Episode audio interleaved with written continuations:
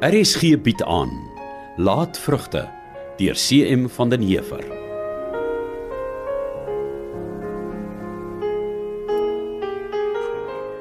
Skuld werk stadig maar seker, Maria.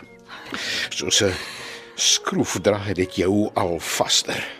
Jy leen bietjie hier en dan leen jy weer 'n bietjie daar om hier af te betaal.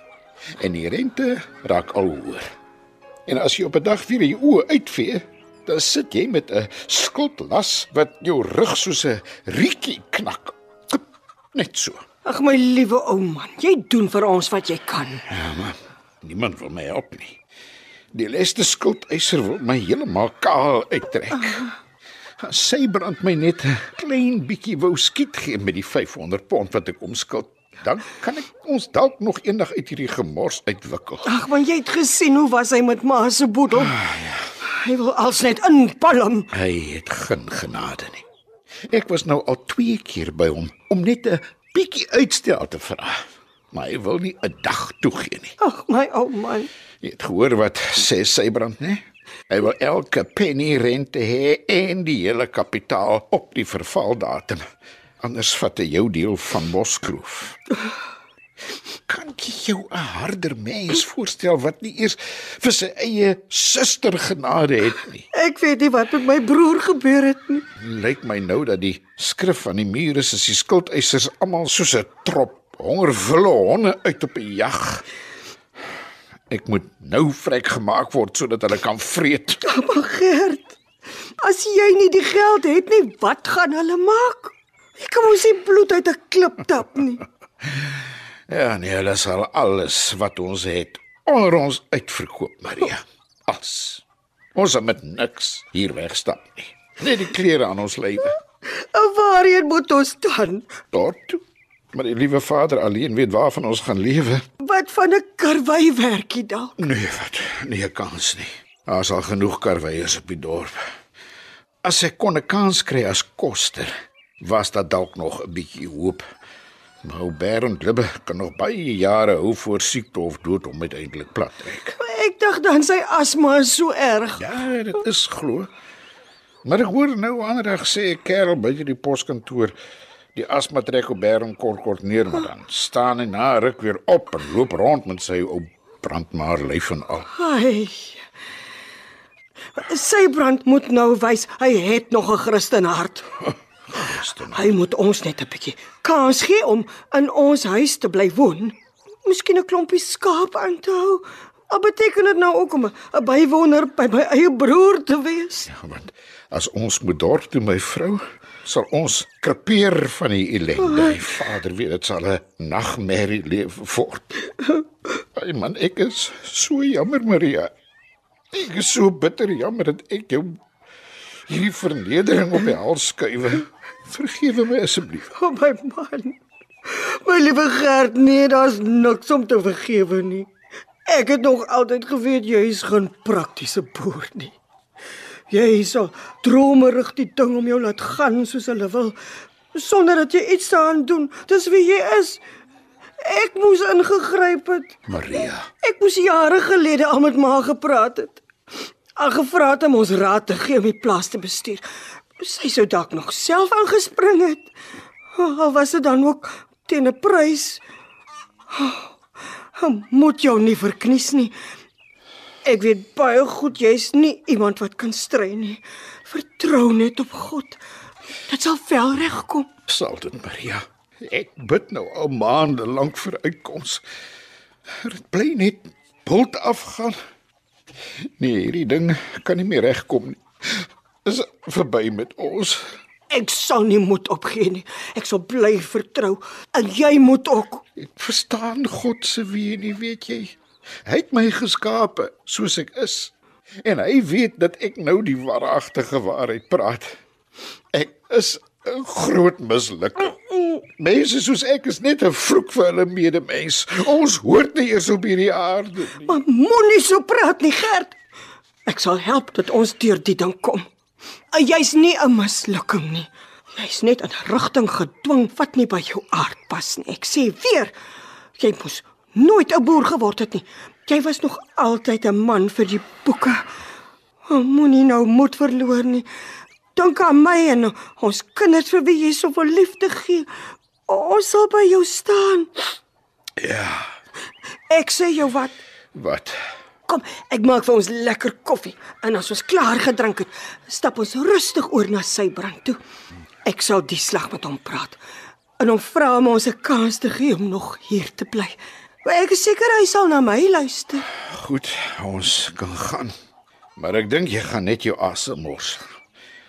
Niks kan daardie man se hart vir sy medemens vermurwe nie. Ek sal jou wys wat ek kan uitdruk. Wat het ek gedoen om jou te verdien, my liefste Maria? Jy was net jy.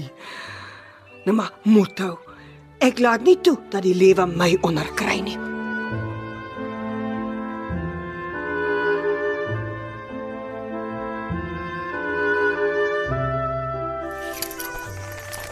Buks. Weet jy wat kan ek nie klein kry omtrent jou nie? En wat my liewe Maggie? Sê my. Van ek jou ken, is jy voor sonnepaal aan die werk. Jy werk die hele goddelike dag en wat het jy om daarvoor te wys? Ag, 'n baie mooi vrou. Van wie jy 'n bywoner gemaak het. Luister. Toe ek skape vir die ryk boer moes oppas om aan die lewe te bly oor ek 'n weeskind was, het ek geleer die lewe kan jou maar braaf wild behandel. Dat jou hande altyd hard gelooi moet wees van harde werk, anders raak jy agter. En wat noem jy dit? Wat het jou kastige harde werk jou in die sak gebring? Ek het ook geleer as die skuld jou vasgryp, word jou lewe 'n ongenadige gevangenis. Toe ons getrou het, het jy so goed aangegaan met jou 500 skape op die grond wat jy gehuur het. Jy het my die maan en die sterre beloof. En ek het jou geglo. Wel, die maan en die sterre het jy mos elke liewe nag wat die liewe Vader ons gee. Moenie 'n gek van my probeer maak nie. Jy het my beloof ek kan my drome uitleef en koop wat my oë sien. En nou, Ek het gesê jy kan met jou oë koop. Dit kos niks. En die maan en die sterre is elke liewe nag daar vir jou om te bewonder. Behalwe natuurlik as dit bewolk is. ga, snaaks. Ek dink nog altyd om aan mekaar te behoort is ons droom. Wat het dan verander? Ek lewe my drome uit want jy's my vrou. Wat meer wil ek hê? Ek het met jou getrou en ek wil baie meer hê. Maar Maggie, ek het jou nooit gedwing om met my te trou nie. Ons het tog lank gepraat en jy het nog gesê hoe skaam jy was omdat jou pa maar net bakstene op die dorp rondkarwei en omdat jy in so 'n verwaarloosde ou huisie moes woon. Jy was maar te bly toe jou pa voorgestel het dat ons met mekaar trou. Want ek het geglo jy gaan vir my 'n beter lewe gee. En weet jy wat sê die sponskinderbekke op die dorp deesdae? Wat? Hulle sê ek spandabel en ek lewe bokant ons inkomste. Wie sê so? Ag, my vriendinne man. En hoe weet jy dit? Daleen het gesê toe ek laas by haar haarsalon was, Gertie hulle kinders so van my. En as jy beter vir my gesorg het, was hulle almal nou jaloers op my.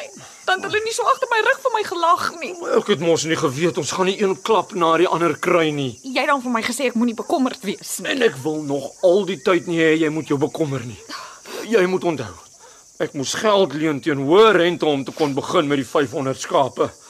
Wat sou dit jou gebaat het om jou daaroor te bekommer?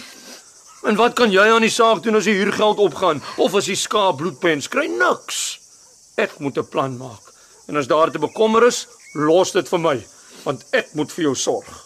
En dit doen ek nog al die tyd so goed as wat ek kan. Ag, ek wou met 'n ryk man getrou het, maar my pa het my 'n gat in die kop gepraat. En moenie dink ek weet nie hoe hy met jou gekonkel om my uit die huis te kry sodat daar meer vir die ander ag kinders kon wees nie. Nou Maggie, dit is nou genoeg. Ja, en nog 'n ding. Die ou huis is 'n ouderwetse gemors. Ek gaan my mors dood sukkel in my hande nerf afwerk in die ou plek. Het jy altyd met opgelet hoe deurgebrand is die ou stoofal? En weet jy hoe ver is dit fontein toe om water te loop haal? Ek is jammer. Dis die beste wat ek vir ons kon doen. Ja wel, dis net nie goed genoeg nie, is dit. Ek wonder wanneer sal ek ook eendag net 'n bietjie ordentlik kan lewe. Hierdie hele bywoner gedoen is my net een te veel. Ek skaam my dood. Jy kla nou dat jy die vrou van 'n bywoner is, maar weet jy wat was jou voorland as ons nie by oom Sybrand kon bly nie? Die waarpad. En waarvan dink jy miskien sou ons dan gelewe het? Dink een oomblik ek sou soos uitskot op 'n wa saam met jou in die veld gesit en vergaan het? Ek sou jou net daar gelos het. En waarheen gegaan het? Jy's ieder geval nie wat ek gedink het jy is nie. Nee. En wat het jy gedink is ek? Ek het gedog jy het maniere. Maar jy vreet soos 'n vark as ons by mense gaan kuier. Jy staan nooit op om die koffie by my te vat nie en jy lyk altyd soos 'n toying. Ander mans kan nie altyd deur 'n ring trek hulle so netjies. Ag, oh, my vrou. Dit is maar altyd dieselfde ou stories. Onthou net, ek is wat jy sien. Niks meer nie, niks minder nie. Ek werk stadig, ja, dit weet ek, maar ek werk deeglik en netjies. As ek 'n ding gedaan het, kan jy maar weet dis doodreg. Daar's nie fout mee te vind nie. Ja, jakkals prys sy eie ster. Nee, nee, nee, nee, nee, nee, ek sê net wat ek is. En so sal oom Sybrand my ook leer ken. En so sal ek seker maak ons staan op 'n dag weer op ons eie voete. Dis nie vir goed wat ons hier is nie. Dis net om 'n dak oor ons kop te kry en 'n nuwe begin te maak. Jy sal sien.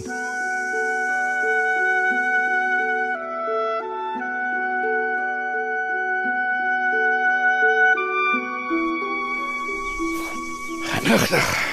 Wens dit wel 'n slag reën hierdie voetpaadjie is skoon warm gebak van die ongenadige son. Ja, wens ons nie almal dit wil reën nie. Dit voel so vreemd om hier te loop. Hoeveel keer het ons net hierdie entjie gestap na ma toe nie? En nou se weg. Ja, met 'n bywoner wat my swaar na huis gestop het. Ja. Nee, ek moet sê dit lyk maar na 'n bra snaakse vrou wat boek sit. Ja, dit gaan vir die kereltjie ook maar 'n strawwe lewe wees want hy ken nog nie vir sy brand. O oh, ja, fooi tog. Nou hoor ek ook nou die dag in die winkel toe ons dorp toe was. Hmm. Iemand vir haar vriendin, die vrou van Bucks. Oh, ek het nou haar naam vergeet. Oh, in ieder geval, sy's glo vreeslik spandabel. En met die, het sy glo die arme kerel al byna verrinne weer. Hmm. As dit dat hulle nou broer Sybrand se bywoners is. Ja, ek het haar nog nie eens gesien nie. Weet jy? Nee. Ek dink nie sy kom jy's vreeslik dikwels buitentoe nie. Seker nie. Maar ek het Bixel 'n slag of wat so op 'n afstand gesien. Wag, wag eers Maria. Kyk. Wat? Ah, sit hy hoeka op die stoep en werk aan iets. Oh, Lyk vir my of hy 'n flikse mannetjie kan wees. ja, ek hoor die vrou kom maar uit 'n baie swak klas. Uh -huh. Die pa drink glo als uit wat hy met die karwei werk verdien. Hy tog die ewige drankduiwel. En die ma? Nee, dit klink my dies dood. Maar daar's glo nege dogters wat almal maar so wild groot geword het. En Buk se vrou, verstaan ek, is die oudste. So, die omstandighede sê ook omtrent alles, né? Ja. maar dit lyk my dit was 'n interessante besoek aan die winkel, Maria. Jy het vreeslik baie oor die bywoners gehoor. Ja, wel. Uh dit was eers in die winkel. En toe jy mos poskantoor toe of iewers gegaan terwyl ek gaan tee drink het, onthou jy? Ja, nee, jy's nie, maar ek glo jou. In ieder geval, terwyl ek tee gedrink het, het ek twee vrouens agter my oor boks en sy vrou hoor praat. Dieselfde twee vrouens. Uh, wel, uh, ek het nou nie jy so opgelet nie. Jy weet ek uh, leen mos nie graag my ore uit nie. Ja, ja. nee natuurlik nie my vrou. En wat hoor jy toe nog? Ag, nie eintlik veel nie. Maar net dat Bucks baie hard werk van die oggend tot die aand en dat almal wat hom ken groot respek het vir hom oor hoe fliks en presies hy werk. Maar alles glo puur verniet want so vinnig as wat hy verdien gee hy dit weer uit. Ja, is 'n probleem. Ek vertrou die vrou glad nie.